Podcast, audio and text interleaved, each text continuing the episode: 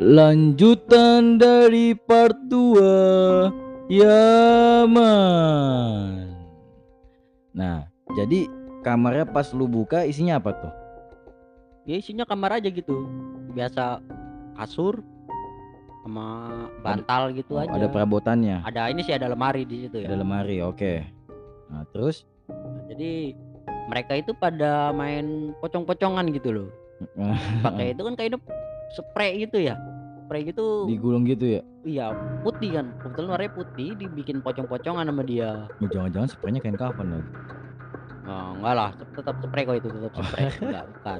Oke Jadi kayak dia manggil orang suruh ke kamar, kagetin gitu loh. Heeh. ya kan habis dari situ mulai main pukul-pukulan bantal gitu kan Iya. rame lah anak-anak itu bikin rame gitu kan ya Iya dan gua gua pada yang nggak ikutan main tuh cuman ngeliatin dari depan pintu berdiri Dari aja jauh, berdiri aja santai, depan oke. pintu ketawa-ketawa gitu kan ya Hmm. sebelah gua kan saudara gua nih Hmm. panggilnya mekek gitu kan Heeh. nah dia itu tiba-tiba lagi ketawa bengong Ketawa dulu baru bengong iya lagi ketawa-ketawa dia tiba-tiba bengong Heeh.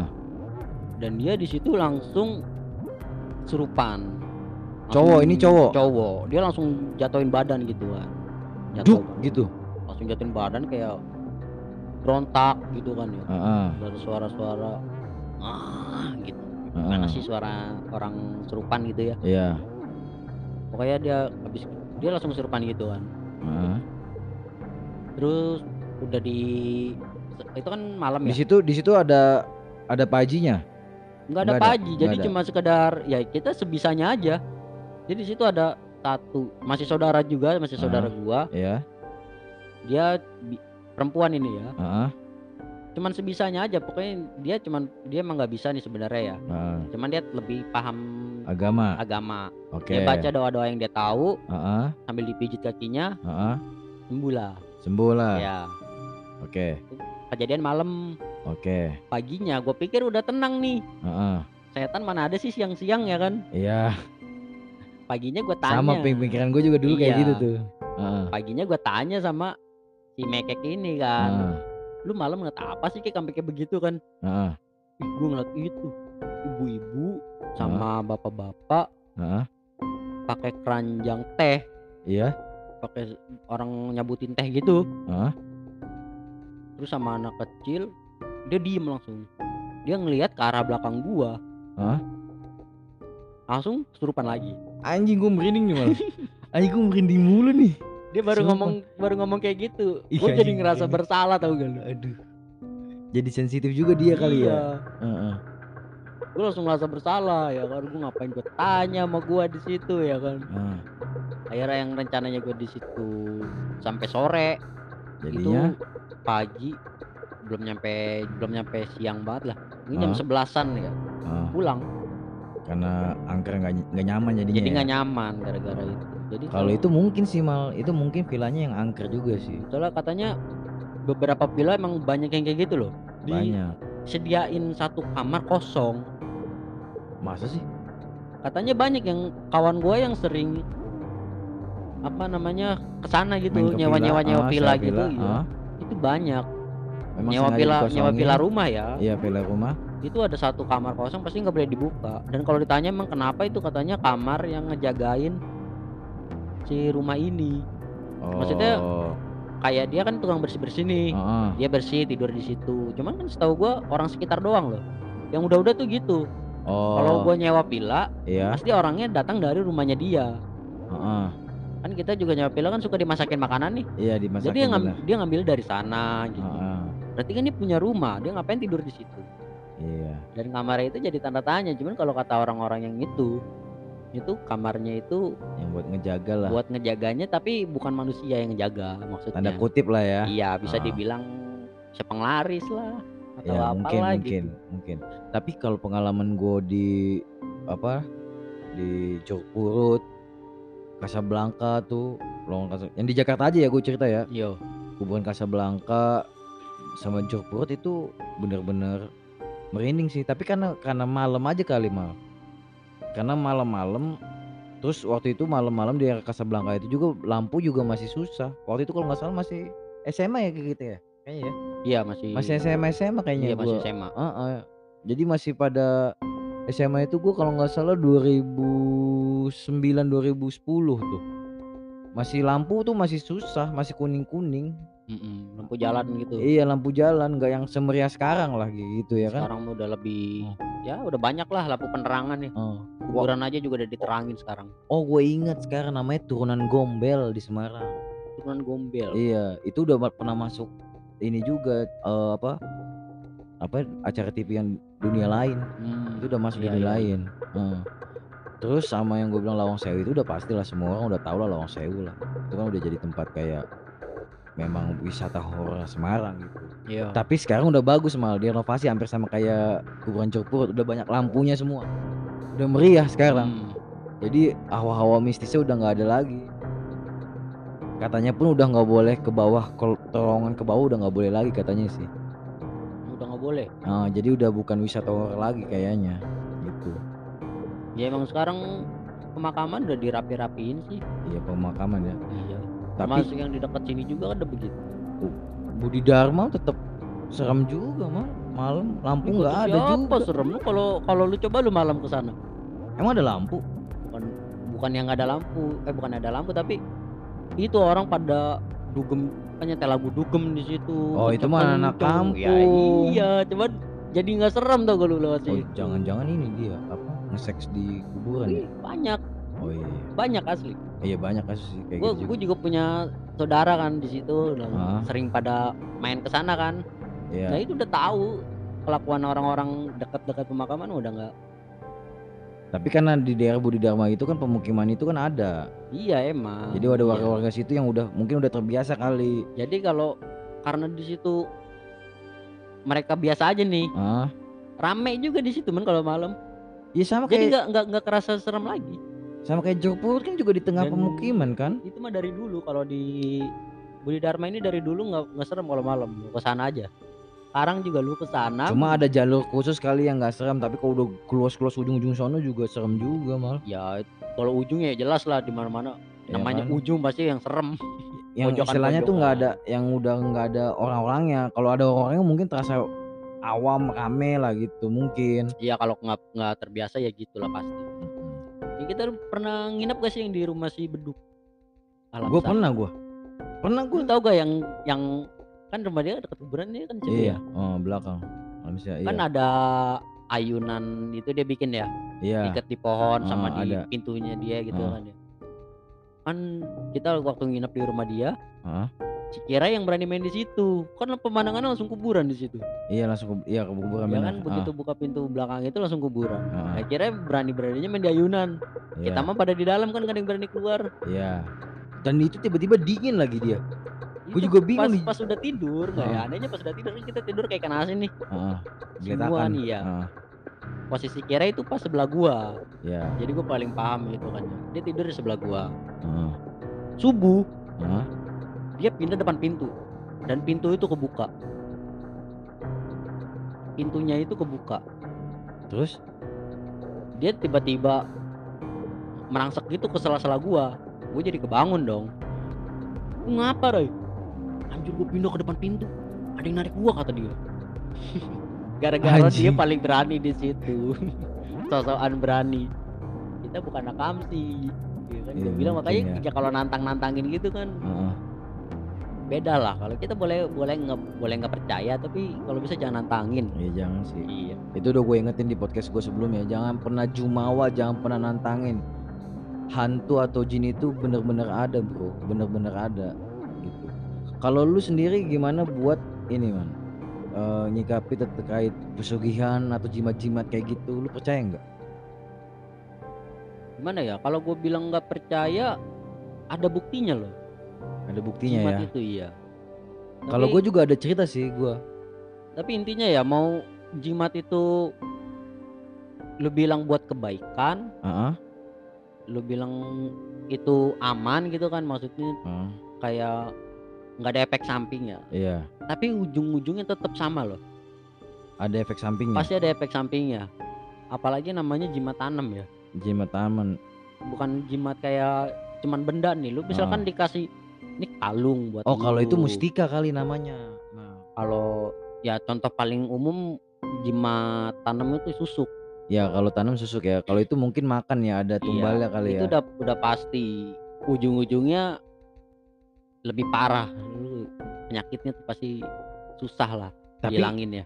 kalau menurut gua pemakaian jimat-jimat itu sih nggak ada baik dan buruknya sih, nggak kayak senjata pisau gitu. Kalau pisau bukan pisaunya yang jahat, bukan jimat yang jahat, tapi orangnya kan. Orangnya. Nah, ya. kalau gua menurut gua eh, orang pem- pemakaian jimat itu udah negatif menurut gua. ya udah pasti. Dia buat apa nyari jimat kalau dia Iya. orang baik gitu loh.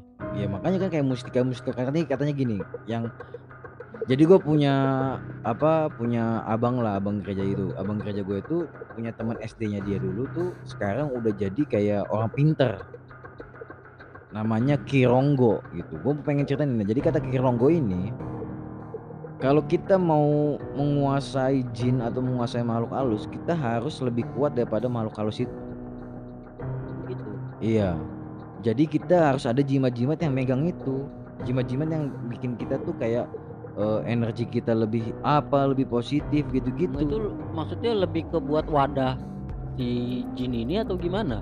Buat ini jadi kayak kayak bukan buat melihara jin ya. Maksudnya jadi kan kayak orang pintar gitu kan juga banyak jimat-jimat itu kayak kasarnya gini lah. Kayak lu pernah lihat kayak batu delima gitu-gitu nggak sih? Iya.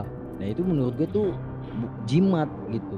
Itu kayak istilahnya tuh di dalam logika tuh nggak masuk gitu bisa air merah semua lah, air Iya. warna merah kalau dicabut begitu. Nah itu kan udah emang udah ada berkat alami atau enggak karisma lah gitu. Ada energi. Ada ya, energi ada gitu. energi terkandung sendiri. Iya jadi yang itu yang menurut gue kalau kita pegang atau kita bawa ke mana-mana pun kita juga kayak dilindungi lu gitu loh. Tapi kalau yang gua tahu jimat itu ya, Hah? itu udah pasti diisi loh. Itu yang jimat-jimat kayak gini kali. Itu namanya jimat. Setahu gue namanya jimat ya udah diisi kayak contohnya batu cincin nih. Oh Ini iya, diisi, iya, lu iya. bisa jadi kebal. Ya kayak buat Dan itu bilangnya diisi kan. itu itu kalau jimat ya kalau buat batu delima mungkin menurut gue mustika kayaknya kayak kris Kalau gitu ya mustika, oh iya bisa. ya kan terus kayak ini jenglot lu gimana tuh Nah, kayak jenglot lah kayak Jenglot kan dulu di sini pernah ditangkap di jalan STM sini, lu tahu gak? nggak tahu gue Itu kan di dekat STM sini depan pom bensin kan situ ada musola kecil tuh. ah ah Itu dia udah yang ngincar. ada nasi uduk itu Iya, ah dia udah pernah ngelihat eh bukan yang ada nasi uduk, sononya lagi. yang samping tukang cukur. Samping tukang cukur. Ada Samping di tukang dalam itu ada cukur. musola. Di dalam situ ada musola. mana? ah Ada garasi. Pokoknya kalau dari depan tuh cuma kelihatan gerbang. Garasi mobil lah, oke gerbang gitu kan. Itu dalam situ ada musola ya kecil. Iya nangkep orang situ. Itu dia udah ngintai katanya udah berapa minggu. ah Dia ngelihat jenglot. Ketangkepnya di sekolah arsitek sini. Yang nangkep tiga orang. oh Rame dulu. Ada pernah ditangkap si jenglot itu. Nah gue juga bingung si jenglot ini maksudnya dia bentuknya nyata nih. manusia kecil katanya Iya itu bisa bisa dipegang kan yang udah kita lihat di mana pun gitu di TV lah iya ada internet bentuknya ada bentuknya itu enggak bisa dipegang. enggak enggak ada wujudnya lah ada iya ada bentuknya wujudnya, wujudnya enggak itu nyata. enggak roh enggak roh halus gitu Iya dan Ah. gue gue juga nggak tahu kalau itu sebenarnya jenglot itu apa. Mm. Mungkin kalau disangkutin sama legenda atau cerita masyarakat orang luar ya ah peri tau gak?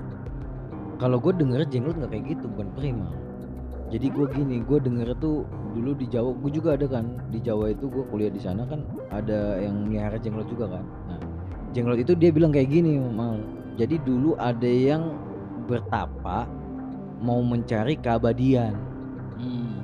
nah, Itu ber- manusia. manusia Oh jadi kecil. Iya, jadi dia saking dia ada baca-bacaan gitu dia menyusut lah badannya itu. Makanya kata-kata bunyi jenglot itu pasti udah ribuan, ribuan. Dan Iya. katanya tuh paling mahal itu jenglot cewek. Jenglot cewek. Iya. Bukannya Paling mahal. semua ya? Ada katanya ada jenis-jenis kelaminnya. Jenglot Oh cewek iya ada, gue pernah lihat. ada. Gue pernah lihat beritanya sepasang gitu orang dapat Iya, sepasang. jadi jenglot Iya. cewek katanya paling mahal lah. Dan gua tuh pernah ngeliat eh, temen gua transaksi eh, cara pembelian jenglot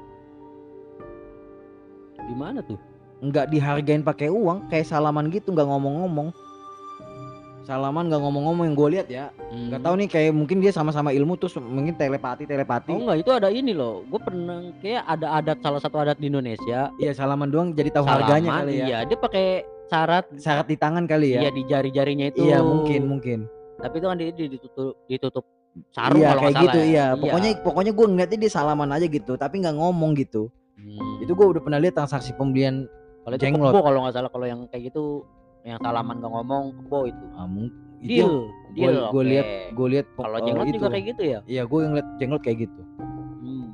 terus gue juga percaya ini mal pesugihan karena di Jawa jujur aja banyak makanan yang dibilang ini tuh makanan nasi goreng pocong kenapa dia pocong karena dia gorengnya sambil kayak di, di pangkuannya tuh mangkuin pocong gini jadi kayak gini dia masak nih seng seng seng iya seng nih Bukan- masuk begini nih jongkok dia Iya.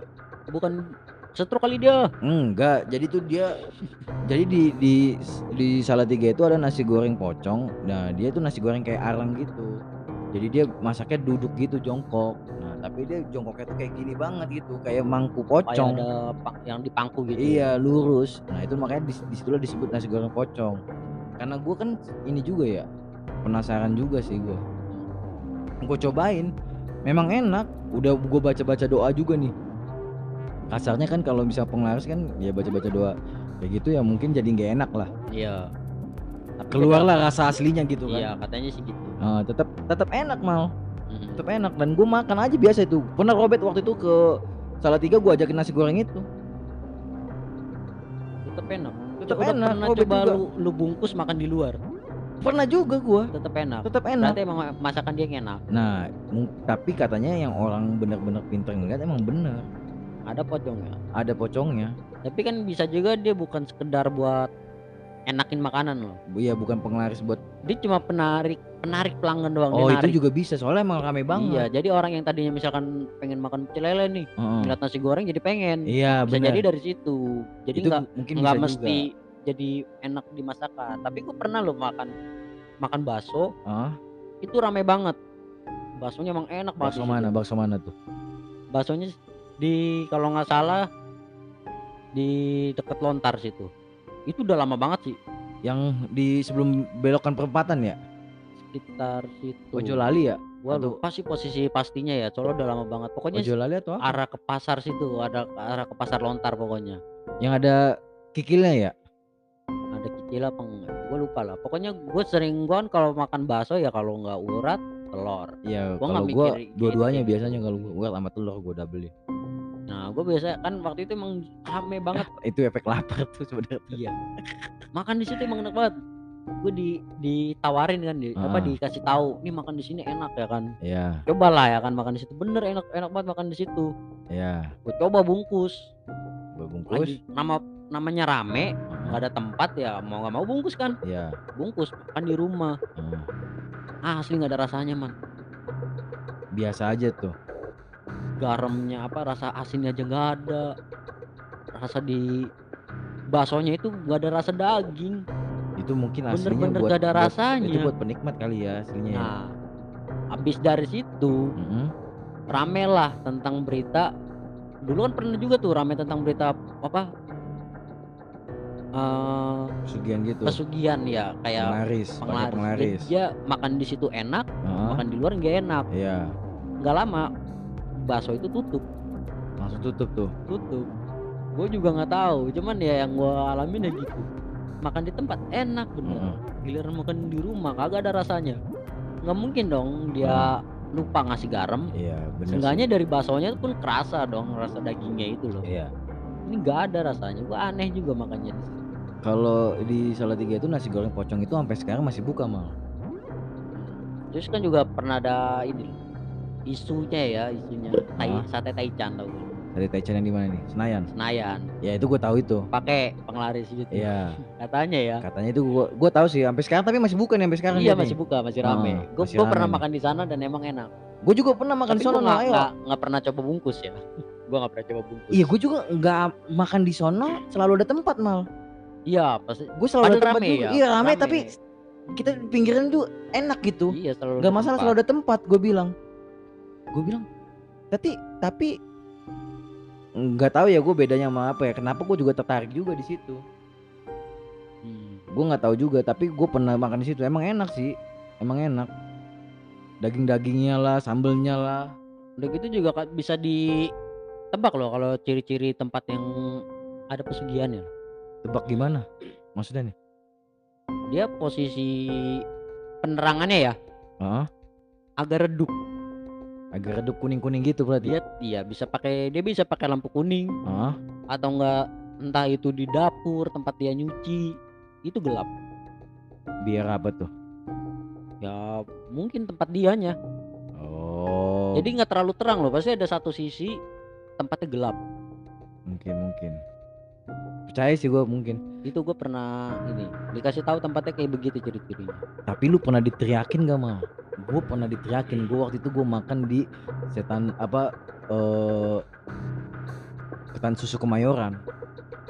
Iya. Kita kan udah pernah Tahu, situ kan. tahu. nah kita kan kita tahu. Lu ada udah, udah pernah dengar ada isunya dia pegang penglaris nggak? Enggak, gue belum tahu. Belum tahu isu itu kan? Hmm. Gue pernah makan di situ diteriakin. Dibilang gini, awas itu ada tuyul, awas itu ada tuyul gitu mal. Gue herannya juga ya makan di situ ya. gue juga emang kalau tiap makan gue Iya, pasti baca doa. iya pasti ya. Udah, Sama, gue iya. juga baca doa, mantra lah Iya istilahnya. istilahnya gitu. Dan gue makan makan di situ, maksud Nah. gue biasa aja loh. Biasa, iya. Cuman gue aneh, aneh ya di situ rame, rame terus. Rame parah, padahal kualitasnya ya standar. Gue bilang ya kalau dari kebersihan ya nggak bersih bersih banget. Harga terjangkau lah. Harga emang ya harga pasti terjangkau. Iya, terjangkau. Ini Kalau kayak dari rasa, ya biasa ketan pakai Iya, susu. Lu makan di tempat lain juga Heeh. sama. Sama di mana-mana. Emang bener. suasananya sih ya mungkin karena dia rame jadi asik aja gitu. Jadi tertarik orang ke sana semua. kan? Iya mungkin karena itu ya. Iya, mungkin itu juga bisa sih. Nggak Yang tahu apa emang orang yang nggak baca doa rasanya beda ya apa? Nah, jadi yang gue bilang nasi goreng pocong ini yang bisa di yang bikin dia kenapa gue bilang enak. Benar, gue mau Robert gini kan. Jadi ada dua pilihannya mal, mau ayam suwir atau ayam utuh gitu loh. Oh iya. Ya. Tapi kalau lu ayam suwir, ayam suwir memang banyak banget mal. Mm-mm. Suwir gitu. Nah, kalau lu ayam utuh, ini nasi goreng lu tiba-tiba tuh di itunya ada ayam utuh gede banget dadanya segitu. Hmm, jadi konsepnya dia begitu. Iya. Dan di itu harganya terjangkau dan murah. Cuma Ya. tiga belas ribu mal. Di daerah emang gitu. Iya kalau di daerah nah tiga belas ribu, gua bilang dalam hati gua, lu bisa pakai telur dadar juga kayak gitu. Kerupuk bisa lu ng- ngambil bebas, Mm-mm. segitunya maksud gua. Iya. Tapi dibawa ke rumah pun tetap enak. Tetap enak makan di rumah. Iya gitu. Enggak dan sampai sekarang pun masih masih buka. Kalau nggak Iya, salah ya. Itu salah ya. isunya yang bilang pakai penglaris siapa? Lu dengar dari mana? gitu? itu udah udah sesalah tiga tuh udah pada denger udah pada tahu sesalah tiga. Dia tuh udah uh, orang pintar ada bilang itu ada pocongnya ada itunya ada itunya Tapi Nanti- biasanya kalau udah tahu nggak disamperin loh. ya makanya gue juga bingung. Kalau udah ada isu-isu yang kayak gitu biasanya kan bikin dia bangkrut Kayak ya, ya. iya kayak yang gue bilang tukang bakso itu udah nggak buka. iya pasti kan. Tapi dia masih buka. Heran gue juga gitu. Hmm, berarti mungkin enggak loh. Jadi kayak gue rasa emang bener enak mungkin ya? Iya makanya kan makanya tadi gue ada orang sirik mungkin. Iya makanya tadi kan gue bilang yang kata lu caranya masaknya begitu Ya. makanya gue bilang dia setruk kali ya makanya kan Enggak gerak gitu loh. Enggak sentruk dia cuma gini memang masaknya selalu gini kayak duduk. begitu iya ya? kayak gitu. Tangannya selalu begitu. Makanya gue bilang tapi tetap enak makan makan di mana pun gitu. Kalau di Jawa masih banyak lah mal kayak gitu gitu mah gue juga ngeri waktu itu nah gue juga mau tanya nih. Lu percaya nggak ada jin baik atau jin jahat? Percaya nggak lu itu? Jin baik dan jin jahat ya. Kalau tadi tunggu ya. Tapi kita kan nggak setuju eh, tadi kita udah setuju ini ya. Kalau itu sebenarnya bukan hantu atau bukan apa hantu itu tapi jin Iya, ya. Kita udah jin. setuju itu jin ya. Itu dari pikiran Oke. kita aja yang berbentuk itu. Ah, jadi hantu itu istilahnya udah jin yang berbentuk. Ya gue juga bener bisa ngasih bukti gue sendiri gitu ya. Gue udah buktiin sendiri loh. Apa tuh? Gue dulu kerja Ah, di satu kantor kecil nih ya. Ya jadi itu ada salah satu admin gua Ah, nonton YouTube horor. Ya dia apa? lagi demen-demen nonton YouTube horor. Ah, kerja kantoran gitu ya kadang ada kerjaan kadang nggak ada gitu. Kadang nggak ada santai santai. kalau lagi Ah. lagi santai gitu dia nonton horor Apa aja lah di YouTube atau apa. aja. Ah, Nah kebetulan kemarin ah. lagi nonton horor gitu kan. Nggak tahu gimana dia nggak tahu sugesti nggak tahu apa jadi kan admin gue ada dua Heeh. yang satunya itu lagi di atas lagi sholat Ya, gue temenin lu temenin. dia dia di bawah sendiri nih yang suka nonton YouTube kata dia Ini cewek atau cowok nih? cewek cewek dua-duanya Heeh. dan katanya si cewek yang satunya ini masuk kamar mandi Ya. Di lantai yang sama sama dia gitu kan di lantai dua heeh. masuk kamar mandi katanya dan dari situ mulailah gua ngelihat bentuk perempuan dari satu orang itu loh awalnya sebelum itu nggak ada apa-apa di kantor itu Oh, jadi sugesti itu. sugesti Sugesti yang ada cerita Mm-mm. itu jadi sehingga membentuk pikiran. pikiran jadi, Jadi, berbentuk jin itu. Mm-mm. Nah, tapi lu percaya nggak nih ada jin baik dan jin buruk nih? Jin jahat lah. Nah kalau jin jin baik dan jin jahat gua percaya sih ada Ada. yang maksudnya jin baik itu dia nggak menampakkan diri ke kita loh Nggak menampakin diri kita. dia nggak nampakin diri bukan Ah. dia dia nggak menolong nggak menolong. ya lebih kalau dibilang baik nggak juga sih ya kayak dulu bodo amatan Nggak gitu ganggu aja lah. lu gua gua itu Tapi ada di istilahnya. kehidupan jin ada lah nah dia. iya Kehidupan kalau roh gitu. iya kalau yang jin jahat Hmm? itu yang udah bekerja sama sama manusia tau gak Oh, yang kayak dia mengirim bikin nih orang sakit lah Oh, kayak hampir sama kayak pesugihan gitu berarti Nah, nih iya. tuyul, jimat-jimat gitu gitu ya. termasuk juga kayak yang gue bilang misalkan di tempat lu nih ada kuntilanak Heeh. tempat lu ada pocong ya Ah. itu jin yang men- yang nyamar jadi pocong dan kuntilanak itu itu yang jahat Itu yang jahat. dan jangan salah ya karena dari satu orang ngomong nih ini Ah. ada di sini ada Heeh. terus yang satu lagi percaya dan yang lain percaya Jadi- semakin banyak orang percaya dia semakin kuat loh Jadi ngebentuk itu. iya dan dia jadi semakin kuat gara-gara kita karena kepercayaan kita loh karena Ah. ketakutan kita loh gue Iya, juga nggak paham dia gimana bisa jadi kayak gitu Iya. jadi semakin kita percaya semakin kita yakini dia ada di situ dia semakin Ah. kuat Jadi berbentuk artiannya- ya, jadi berbentuk dia. nggak artiannya tuh bukan hanya berbentuk loh maksudnya susah diusir Saya diusir. dia jadi kayak penguasa di situ Jadi kuat gitu. dia jadi rajanya di situ karena dari salah sebenarnya dari awalnya satu omongan loh biarpun itu legenda di tempat kalian gitu Iya. ya Kayak misalnya penghuni sini, penghuni Iya. sini. Misalnya Padahal kalian- kita nggak tahu kan. iya udah tahu nih dari kecil misalnya Ah. kayak yang ini di pohon ini nih ada ini Iya. dan dari situ semuanya bermula akhirnya sampai sekarang karena dari dulu udah percaya nih sampai sekarang dia semakin Ah. kuat dan itu susah banget untuk diusir Jadi jadi jadilah ini ya, jadi kayak dia bangun kerajaan di situ jadi jin jin kuat lah ya. ya Udah udah udah lama juga umurnya jadi atas nah kepercayaan-kepercayaan iya dulu. dan itu juga iya kalau percayaan orang tuh ya kan? jin itu dari situ Ya, kekuatannya itu dari usia, usia semakin ya, tua jinnya, semakin, tua semakin kuat semakin kuat. Itu gue percaya sih. iya Jadi menurut gue jin yang tidak itu stratanya tuh lu berapa lama jin itu eh, ada di bumi. Semakin lu lama jin lu udah seribu tahun, sepuluh ribu tahun itu semakin lu kuat juga kayak gitu sih. iya Nah, gue percaya. Oke nih, brother Jamal Joe. Kita tadi udah ngebahas tentang bicara-bicara horor, pengalaman-pengalaman horor, sharing-sharing tentang horor. Udah terlalu banyak. Thank you banget nih. Thank you so much. Yoi man eh gue akan akhiri podcast ini. Thank you banget buat teman-teman yang udah dengerin. Thank you juga yang wah ini banyak banget nih udah sampai part ketiga nih brother. Pokoknya saking serunya, saking serunya kita bahas horor. Oke. Tetap support eh rencana gue juga nanti ke depannya mau gue bikin channel YouTube. Semoga bisa terrealisasikan, semoga bisa dinikmati juga. Thank you. Gua akhiri podcast ini. Jangan lupa berak, jangan lupa tidur, jangan lupa makan, jangan lupa jalan-jalan. Nikmati hidupmu hanya sekali dan sementara. Ciao, Pipet Pau Podcast dengan Jamal Jo. Ya man.